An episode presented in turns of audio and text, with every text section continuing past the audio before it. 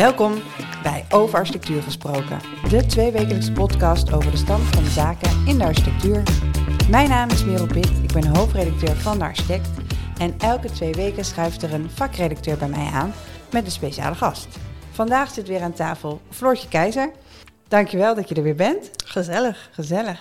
Vandaag niet in onze studio in Zeist, maar uh, in Rotterdam. Klopt. In het kantoor van uh, OMA. Dit heeft alles te maken met onze gast David Gianotte. Welkom. Dankjewel. Floortje, jij hebt hier zelf ook gewerkt, toch, bij OMA? Hoe is het om terug te zijn? Nou, een blauwe maandag heb ik hier uh, gewerkt hoor. Dat is uh, lang geleden. Toen zat OMA nog in een uh, ander kantoor. En David was er ook nog niet, dus we hebben elkaar net gekruist. Voor veel architecten is een paar jaar werken bij OMA toch de start om daarna een eigen bureau te beginnen. Was dat ook voor jou zo? Nou, zo strategisch was ik op dat moment absoluut niet uh, bezig met mijn carrière. Uh, ik uh, heb hier met veel plezier een halfjaartje gewerkt. En toen was ik zwanger van mijn tweede kind. En toen dacht ik, die work-life balance die hier, die zag ik niet helemaal zitten. Die zag je niet helemaal zitten. Ik ben benieuwd of David daarover mee kan praten. Nou. We gaan ik ben in ieder geval benieuwd waarom uh, David al 15 jaar bij OMA werkt. Maar voordat we het uh, gesprek met hem gaan voeren, hebben we eventjes het architectuurnieuws wat we doornemen. Wat waren voor jou belangrijke gebeurtenissen afgelopen weken? Ik, uh, ik was vorige week met een groep studenten van de Academie van Bouwkunst in Tilburg naar, naar het ministerie van Sociale Zaken in Den Haag. En ik was eigenlijk totaal verbijsterd hoe mooi dat gebouw is, hoe groot en dat nu juist deze prachtige betonnen reus uh, uh, vermoedelijk gesloopt gaat worden. Terwijl er eigenlijk zoveel mogelijk is, denk ik. Maar goed, uh, ik kon het eigenlijk ook niet uitleggen aan de studenten, merkte ik. Ik stamelde maar wat van, ja, we moeten woning bouwen. wie beslist dit eigenlijk? Ja, niemand, niemand begreep het echt. Nee, ja, ik vond het leuk. Ik mocht met je mee. Dus uh, mooi, uh, het is maar uh, 15 minuten fiets van mijn huis. En ik was er nog nooit binnen geweest. Het is heel erg leuk om even te kijken. En wat natuurlijk opvalt, zijn natuurlijk wel al die vierkante meters zonder bestemming. En dat is natuurlijk in deze tijd veel lastiger. Dat is ook enorm de kwaliteit van het gebouw. Ik vond dat het aan alle kanten plezier uitstraalt. Gewoon in gebruik, maar ook in ontwerp. Al die kleine details. Ja, absoluut. Al die, al die enorme de, die ruimte waar je gewoon van alles mee kan, maar wat nu ook moeilijk te vermarkten is. Ja, dat blijkt. Op mozaïeken op de raarste plekken en kleine raampjes. Ja. Nies, nesjes, trappetjes. Mooie drempels, ja. Ja, ik vond het echt fantastisch om er te zijn. Heel zonde dat het uh, weggaat. Volgens mij is sloop on, uh, kunnen we niet meer dat voorkomen.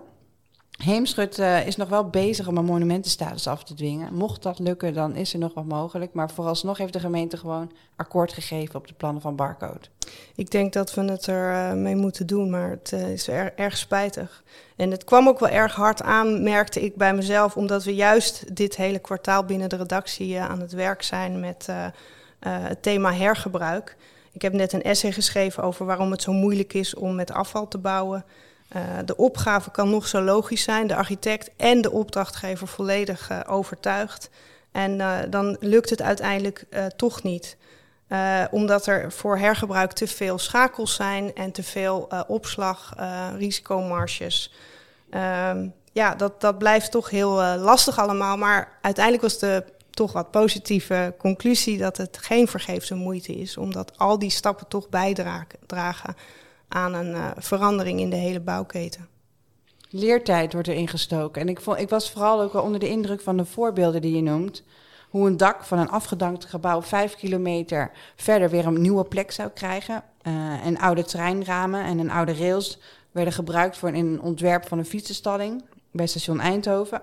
Allemaal no-brainers, schrijf je. Maar het dak netjes demonteren, opslaan en vervoeren was uiteindelijk drie keer duurder dan een nieuw dak. Ja, dan begrijp ik wel dat de opdrachtgever uh, daar toch voor gaat. Ja, precies, dat begrijpt iedereen. Ja, en ook nog steeds die uh, treinramen en rails liggen nog mooi op de goed georganiseerde opslag van ProRail. Precies, die hebben al een hele strategie als het gaat om hergebruik. En toch, ja, daarmee bouwen bleek uh, onmogelijk.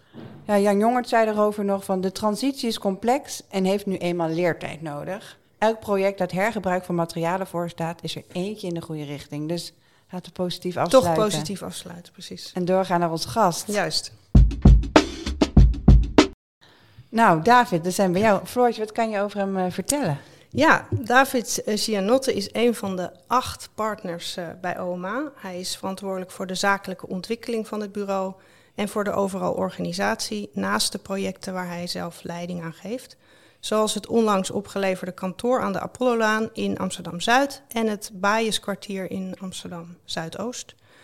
Uh, David studeerde bouwkunde aan de TU Eindhoven, gaf daar zelf ook les tot deze zomer, afgelopen zomer, aan de afdeling Architectural Design and Engineering van diezelfde TU Eindhoven. Uh, hij nam samen met twee collega-hoogleraren, Paul Diederen en Christian Rap, in augustus abrupt ontslag na een hoog opgelopen vertrouwenscrisis binnen de faculteit bouwkunde. Dat heeft allemaal heel veel stof doen opwaaien, moeten we het natuurlijk over hebben. Maar eerst willen we graag uh, meer horen over de projecten, de lopende projecten binnen uh, OMA. Daar kan ik hopelijk veel over vertellen. Dus over welke projecten zou je wat willen weten? Um, ja, ik dacht even aftrappen met uh, een klein stukje terugkijken. Je bent uh, ruim 15 jaar geleden overgestapt van uh, Search naar OMA als business developer. Een term die we toen best wel vaak hoorden, nu wat minder vaak. Kan je uitleggen wat dat precies inhield? Nee, de vraag was, Rem reisde toen heel veel. Had heel veel projecten over de hele wereld. maar de terugkoppeling tussen wat er gebeurde, um, zeg maar ver weg en op kantoor. Uh, die was niet geregeld. Uh, dus ik ging heel veel met Rem mee. En nam heel veel uh, van de dingen die ik hoorde en zag mee terug naar kantoor. En werkte dan met de teams daaraan om dan vervolgens de volgende keer als we weer met dezelfde klanten aan tafel zaten, de juiste dingen te kunnen presenteren en, en daaraan te kunnen refereren. Dus het was eigenlijk een soort brug tussen wat er buiten het bureau gebeurde en binnen. Die rol heb ik maar heel kort gedaan, want eigenlijk... Uh, eh, 2010 ben je al in Hongkong Precies, toen ben ik naar kantoor Hongkong gestart. Gegaan. Ja, dus ik werd meteen eigenlijk gevraagd om naar Hongkong te gaan. Er waren drie grote projecten gaande in Azië. Taipei Performing Arts Center, waar ik ook allereerst het begin al van deed, ook als ontwerper. Shenzhen Stock Exchange, die, het ontwerp, competitieontwerp was daar. er was zelfs al een funderingsontwerp maar de rest moest nog uh, bedacht en uitgewerkt worden. En uh, we werden gekwalificeerd voor West Kowloon Cultural District, een groot project in, uh, in Hongkong, wat een jaar zou gaan duren. En waarvoor je eigenlijk wel echt in Hongkong moest zijn, omdat de overheid heel veel afstemming vroeg, maar ook heel veel presentatie. Was dat ook de reden dat jullie een kantoor openden in, uh, in Hongkong? Want er was natuurlijk op dat moment al een kantoor in Beijing door uh, Ole Scheren geleid. Ja, nee, dat was zeker de. het was echt een idee om aan die drie projecten daar te werken. Echt als een platform van ontwerp. een aantal mensen van hier kwamen met mij mee. ik heb daar ook een aantal mensen geworven. en dat team was heel gefocust op die drie projecten. Rem was daar ook iedere zes weken met mij aan het werk. en, en dat was eigenlijk een manier om, om dat, die drie projecten een push te geven. Drie hele grote projecten.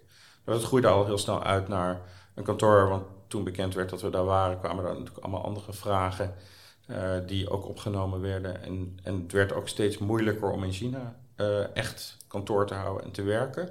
En toen hebben we eigenlijk de ontwerp, toen Olecheren vertrok, uh, hebben we eigenlijk de ontwerpwerkzaamheden in Azië van Beijing ook overgeheveld naar Hongkong en dat ons centrum in, in Azië gemaakt. Ja, ja. En dan even een grote stap naar je meest recente project het kantoorgebouw in, uh, in Amsterdam. Ja. Um, het staat uh, eigenlijk midden in het plan uh, van Berlage, het plan Zuid. Ja. tegenover het Hilton van Huug Maaskant. en de Montessori school van Hertzberg. Ik zou zeggen, niet de minste om, om naast te mogen staan. hoe verhoud je je daartoe? hoe ben je aan het ontwerp begonnen? Nou ja, en er was ook nog op de plek zelf een gebouw van Wim Quist. Uh, ja. uh, wat iedereen goed kende. Uh, dat heette de Kluis van Quist. De kist van Quist wordt ook wel gezegd. Ja, dat wordt in Amsterdam gezegd. Maar buiten Amsterdam zeggen ze inderdaad de Kluis. En voor ons was het natuurlijk spannend om daar naar te gaan kijken. ook omdat het onderdeel van een monumentengebied is. Dus er lag een hele sterke envelop rond het, uit het bestemmingsplan rond het gebouw. Dus we konden eigenlijk helemaal niet buiten die gebouwvorm om iets doen. Uh, en onze klant vroeg ons wel een efficiënter gebouw te maken. En ook meer verdiepingshoogte te maken, meer uitstraling, meer openheid. dus dat was een behoorlijke puzzel. we hebben ook heel lang overlegd wat we konden hergebruiken van het gebouw. ook bij ons natuurlijk een heel belangrijk thema. niet alleen bij Apollolaan, maar ook bij Belma en projecten die ik verder in de wereld doe. En we hebben er uiteindelijk voor gekozen om de hele ondergrond te behouden. Ook de fundering helemaal te behouden en het nieuwe gebouw daarop af te stemmen. En binnen die bestemmingsenvelop te blijven, hebben we een heel efficiënt, bijna een soort Japanse puzzel die je met stukjes in elkaar schuift in die envelop te maken, zodat we een hele duidelijke oriëntatie kregen richting het Hilton Hotel. Terwijl het, oude gebouw was naar de wijk toe georiënteerd. En dus het konden openmaken, want het was een heel gesloten gebouw. en daar was ook het noorderlicht, dus dat is ook mooi werklicht. en dan naar de wijk toe eigenlijk een nieuw gezicht te creëren, wat veel meer in de berlagen. Met de berlagiaanse kleuren en bakstenen gewerkt. Ja, en ook uh, een 3D-steen ontwikkeld, zodat uh, het gebouw niet vlak werd, en, maar eigenlijk uh, heel erg ja, relief kreeg ten opzichte van de gebouwen die zo mooi vooruit en achteruit springen. dat konden wij niet doen vanwege een envelop, maar dat hebben we dus eigenlijk in die huid gedaan. Ja, Bernard Hulsman noemt het in het NRC hypercontextueel ontwerp. Nu is dat niet iets wat OMA bekend om staat, maar als ik het gebouw zie, dan denk ik ook niet, oh, dat is hypercontextueel.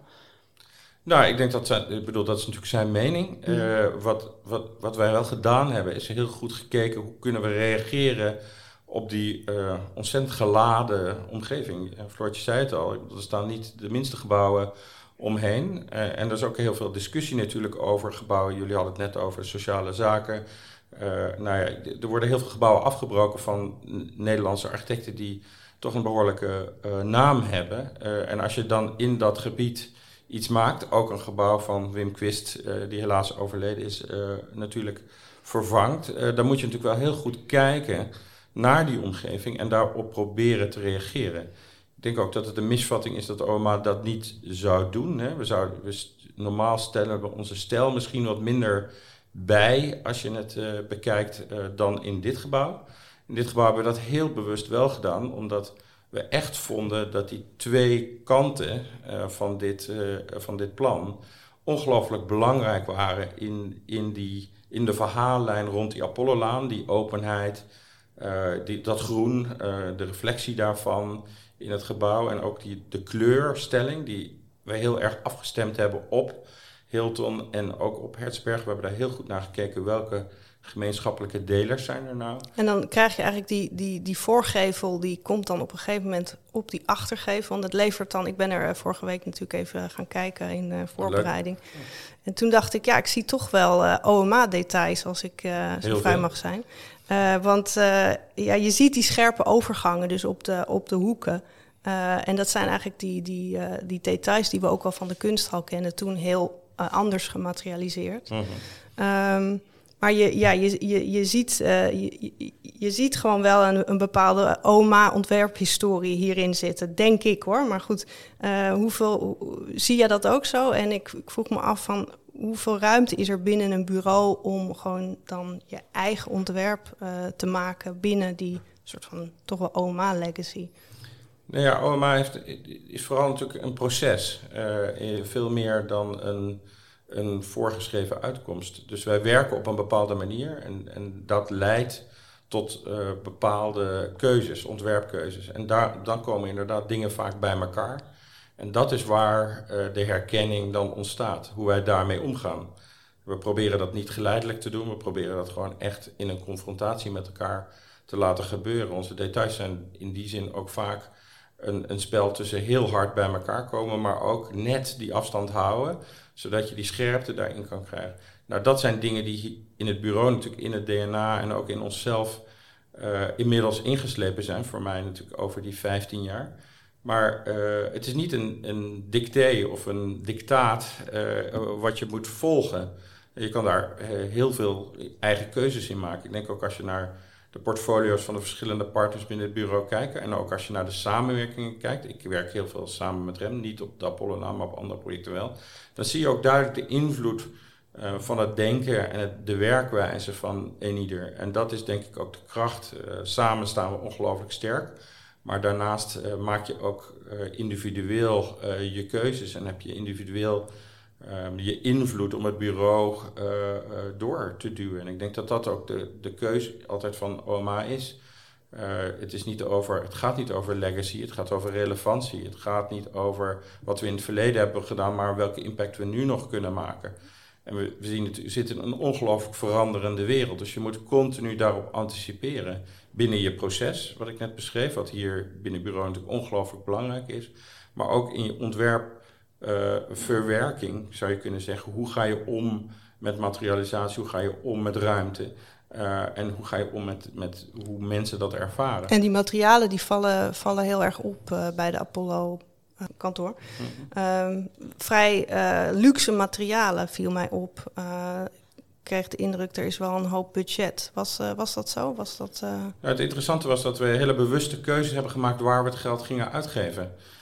Dus je, je, je kiest ervoor om een bijzondere steen te maken in Nederland, dichtbij, wat weinig transportkosten heeft, waardoor je zelf hier het in de hand hebt, het proces. We hebben gewerkt met een Belgische façade of gevel uitwerker. En, en, en dat maakte dat we ook konden schakelen, ook weer dichtbij.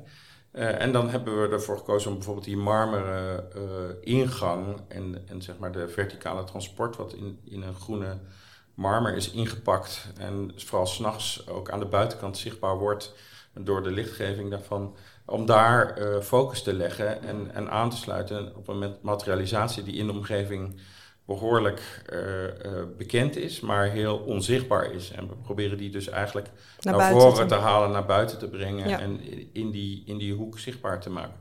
Dus er zijn hele bewuste keuzes geweest waar we het geld uitgaven. Het budget was niet laag, maar het budget was ook niet veel hoger dan een typisch kantoorgebouw. We zijn heel bewust mee omgegaan.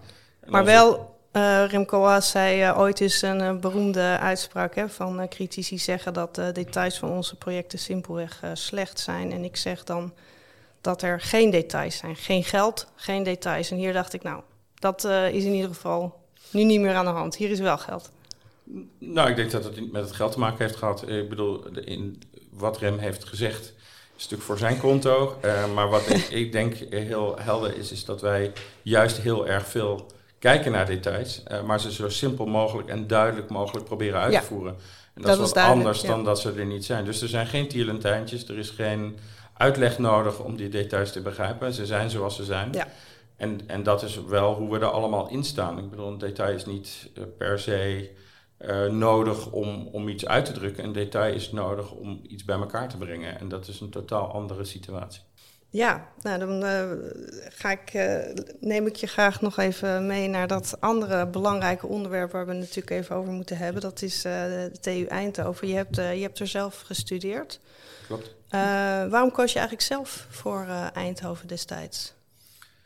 Um, toen ik ging studeren was ik ook nog aan het voetballen daarnaast, op een redelijk oké niveau.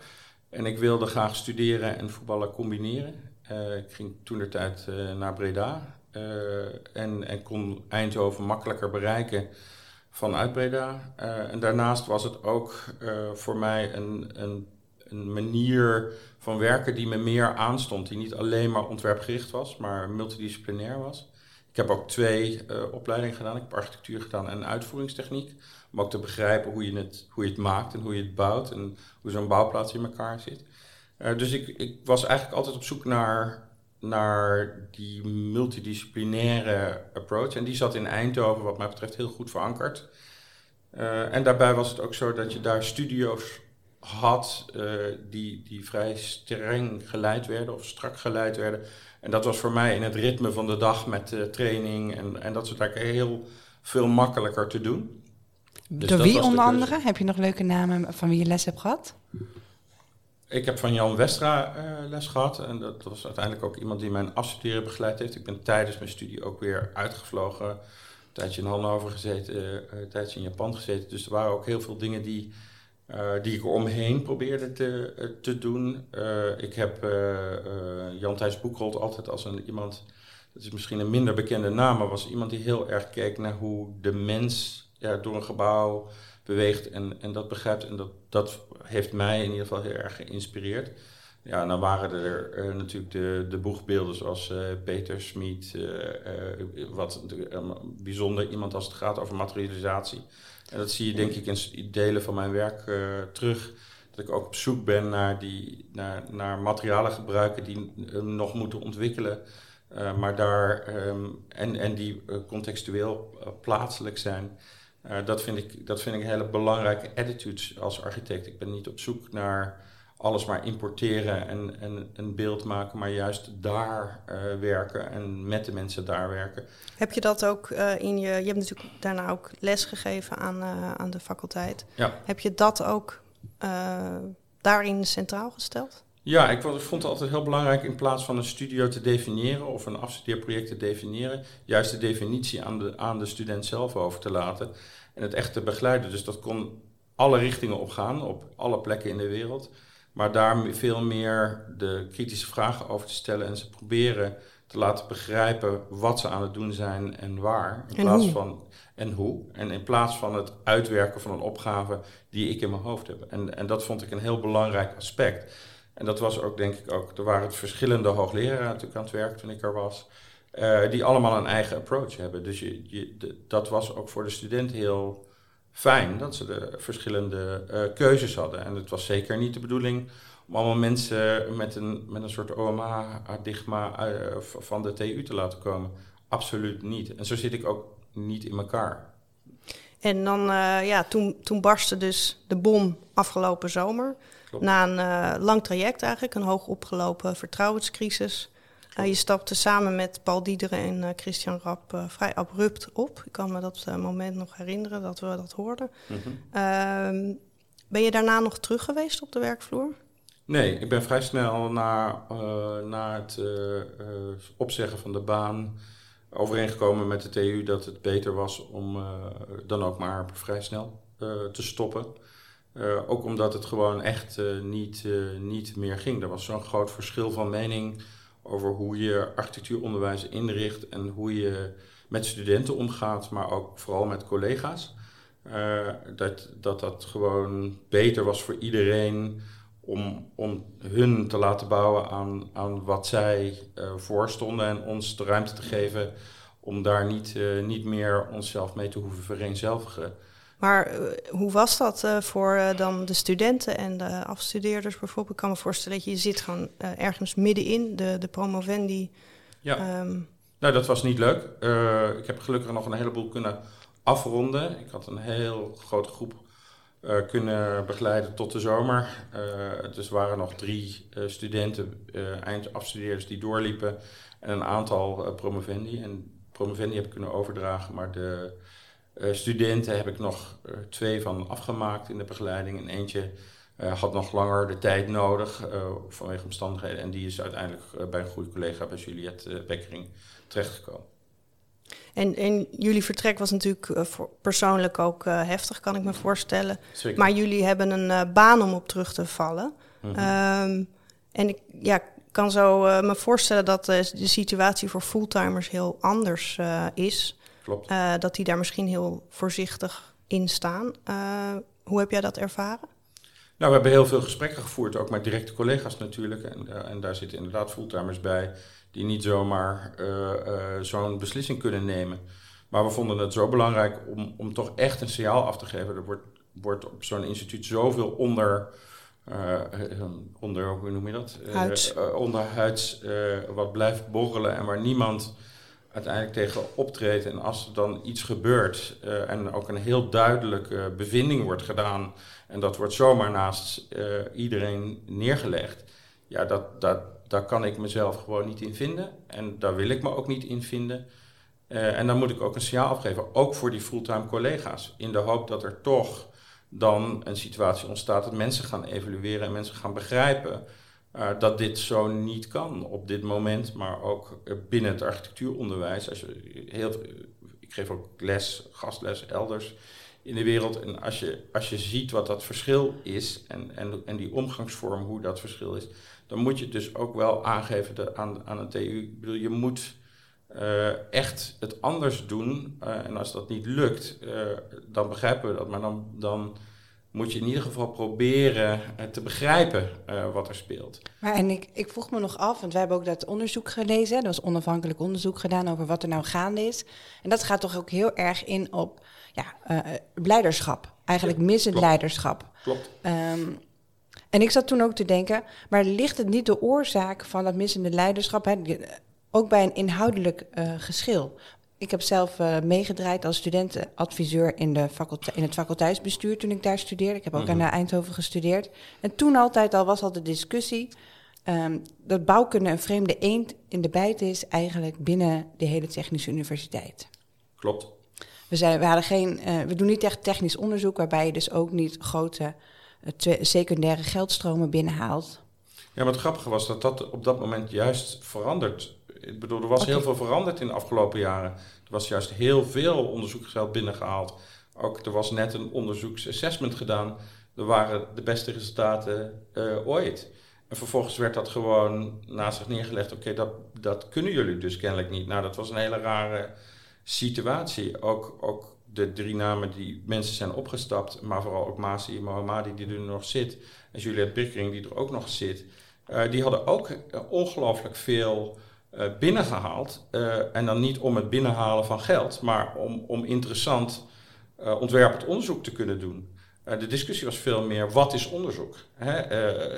is het helemaal academisch onderzoek waar een, een rapport uitkomt? Of is ontwerpend onderzoek waarin je bepaalde dingen verder brengt in gedachten en innovaties introduceert in, in de bouwkolom, in, in, in ontwerpwerk? Is dat ook uh, onderdeel van een academische uh, wereld. En, en daar, was, uh, de, daar was een heel groot debat over. En, en op dat moment hebben mensen hele strategische machtskeuzes gemaakt, waardoor er een, een polemiek begon te ontstaan tussen mensen die dat wel vonden en mensen die dat niet vonden. En dan krijg je een soort wel eens niet spelletje. En, en dat was geen wel eens niet spelletje. Ik bedoel, beide is heel relevant. En zeker in ons vakgebied, beide is heel relevant. En dat komt ook vaak heel goed samen. En pas als je het samen weet te brengen, dan is de relevantie ervan nog veel groter. Nou, dat er werd juist een, een splijtswam. En het gecreëerd. vertrek van Bernard uh, Kolenbrander heeft natuurlijk niet geholpen. heeft niet geholpen. Nee, heeft niet geholpen. Nee, Bernard is, ik bedoel, de, de historie uh, van Eindhoven, maar ook de historie van architectuur speelt ook een hele belangrijke rol in innovatie. Dat klinkt misschien voor mensen. Uh, uh, je moet het begrijpen hoe zoiets ontstaat en, en waar het naar verder kan. En, en Bernard vertrek was daarin zeker niet, niet helpend, maar de crisis was er al langer. En er zijn collega's geweest die daar gewoon ongelooflijk misbruik van gemaakt hebben. En dat, daar vond, of dat, slachtoffers van zijn geworden, want die hebben wij ook gesproken. Ja, nou ja, dat, dat bedoel, daar zullen de meningen over verschillen. Ik, ik... Want, ja, want de conclusie uit het uh, onafhankelijke onderzoeksrapport, uh, die, uh, die opende eigenlijk met de kritiek dat alle partijen, dus, dus zowel de zes hoogleraren van de afdeling Ode als het faculteitsbestuur, de hand in eigen boezem hadden moeten steken. dat er over en weer eigenlijk alleen maar gewezen werd en niet gereflecteerd op het eigen handelen. heb jij die kritiek je ook zelf aangetrokken? Uh, zeker. Uh, ik bedoel, we hadden zeker andere keuzes kunnen maken. Uh, maar op een gegeven moment dan ben je zo ver in, in gesprekken voeren, dan wordt het bijna een soort mediation. Uh, en en dat, is niet, dat is niet waarom ik op de universiteit ben. Ik bedoel, op een gegeven moment was ik alleen maar in gesprek. en, en, ja, niet aan het lesgeven? Nee, niet aan het lesgeven, maar ook de frustratie liep op een gegeven moment natuurlijk zo hoog op omdat er uh, echt een machtsspel aan de gang was. En ik, ik had geen interesse in een machtsspel. En, en daar is denk ik de keuze uit voortgekomen om er dan uit te stappen. Ik heb ook niet geprobeerd uh, de, de TU te willen veranderen. Ik wilde ook niet dat leiderschap in handen nemen, want daar heb ik helemaal de tijd niet voor. Het bureau is en ook de kunde niet voor. Daar ben ik ook heel uh, eerlijk in. Ze hadden mij gevraagd bepaalde dingen te doen, die wilde ik doen.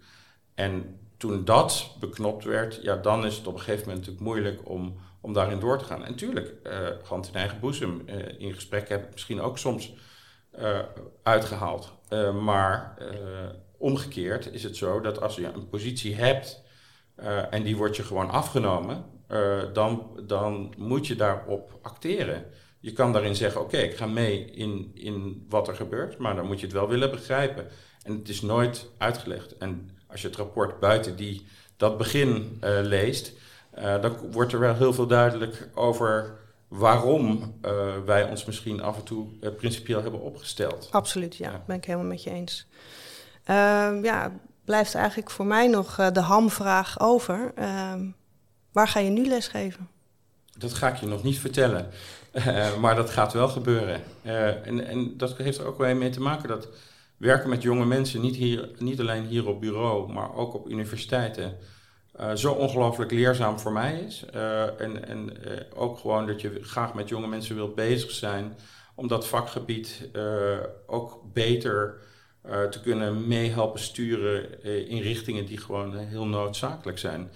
En, en dat kan niet alleen binnen een bureaucontext. Dat moet ook binnen een, een onderzoeks- en, en onderwijscontext. En, en daarin heb ik iets bij te dragen. Ik realiseer me heel goed dat de positie die ik heb binnen OMA een ontzettend uh, luxe positie is. Hè. Dat een heleboel mensen zouden dat, die willen hebben. Dus je moet ook iets daarin echt iets mee doen om, om dat te laten zien uh, wat er allemaal gebeurt en, en wat mensen daarmee mee kunnen in hun eigen carrière, niet binnen, binnen OMA. En da dat vind ik dus heel belangrijk om te doen. En, en dat, gaat, dat gaat twee kanten op. Dus, dat ja. gaat voor mij twee kanten op. Ja. ja.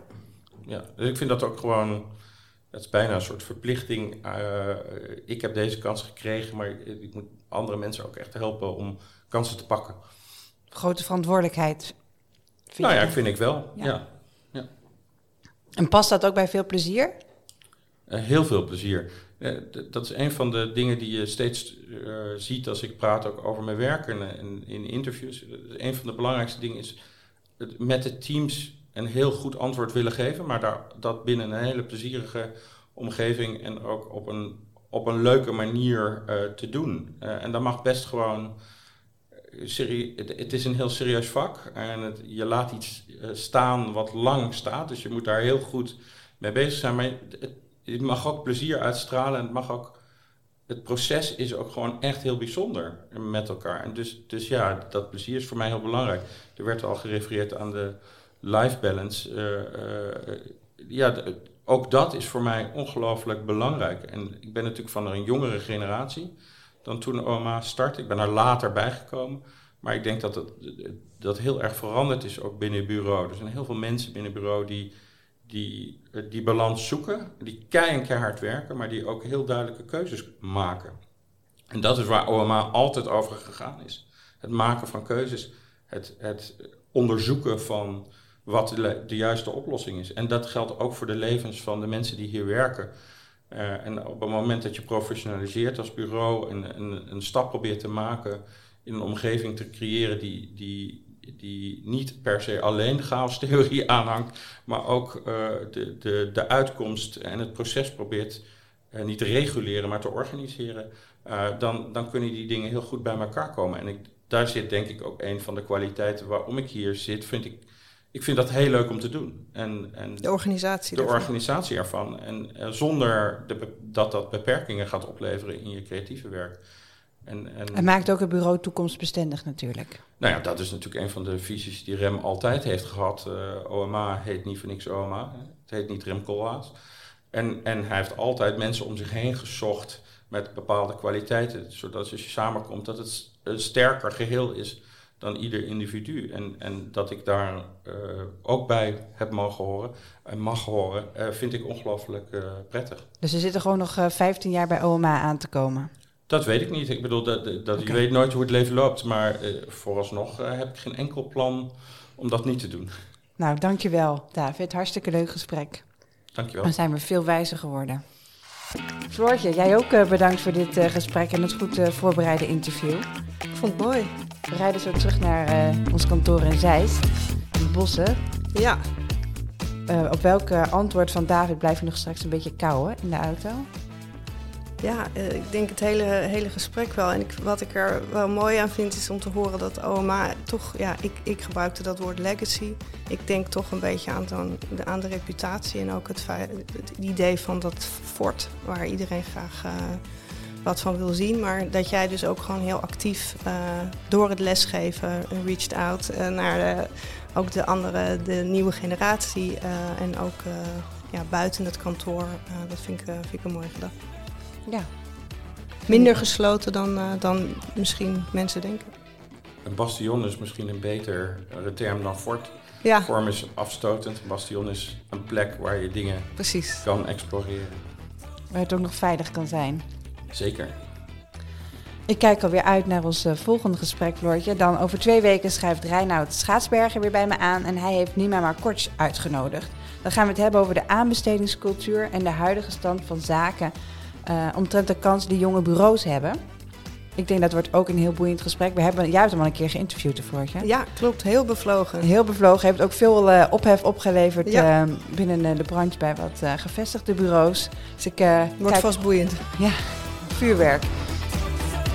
Ook alle luisteraars wil ik even bedanken. Ik hoop dat ze net als ja, deze aflevering de volgende ook weer gaan luisteren.